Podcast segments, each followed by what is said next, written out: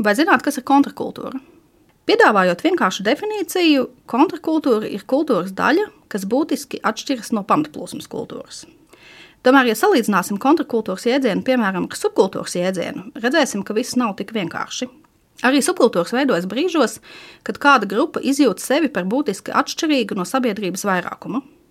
Subkultūrām ir atšķirīgas vērtības, estētika, uzvedības noteikumi, bet izšķiroši, ka subkultūrām parasti ir pozitīvas identitātes.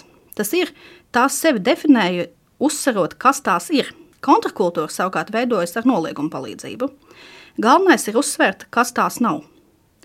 Slavenākie kontrakultūras piemēri 20. gadsimtā ir saistāmi ar hipijiem, pīķņiem, punkiem, kur identitātes bieži tiek veidotas kā tieša opozīcija pastāvošajai kultūrai. Un interesanti, ka gadījumos, kad dominējošā kultūra beidz pastāvēt, savu eksistenci beidz arī kontrakultūra, kurai vairs nav kam pretoties. Latvijā par kontrakultūru kā sociālu parādību visdrīzāk ir maz pamata runāt. Toties jēdziens kļūst interesants, ja to piemēro mākslas darba analīzē, īpaši tajos gadījumos, kad mākslas darba tēma ir identitāte. Piedāvāšu divus aktuālus piemērus. Pirmais ir saistīts ar vēsturisko romānu sēriju Mēs Latvija 20. gadsimts, kurā latviešu rakstnieki veltījuši par romānam katrai Latvijas valsts desmitgadē. Kā individuāli darbi, katrs romāns liecina par autora stilu, talantu īpatnībām. Lasot romānu kā sēriju, savukārt uzkrītoši, ka vēstures vēstījums izteikti neatbilst 21. gadsimta sākumā izplatītajai versijai par Latvijas vēsturi.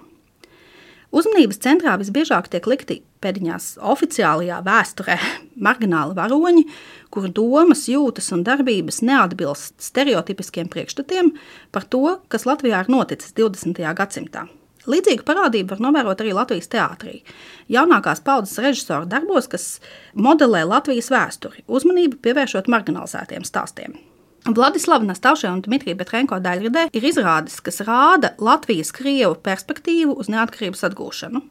Bailes, atstumtības sajūtu, ilgas un traumas pēc padomu identitātes. Mārtiņš Eha rāda Otro pasaules karu sieviešu partizānu acīm un iestudēja izrādi, kas balstīta Latvijas bērnu savāktos atmiņas stāstos, kuros padomju okupants parādās cilvēciskāks par latvieti. Valters Sīls runā par latviešu leģionāriem kā nacistiem un tēlo 1918. gadu nevis caur neatkarības atgūšanas, bet badu un slimību prizmu.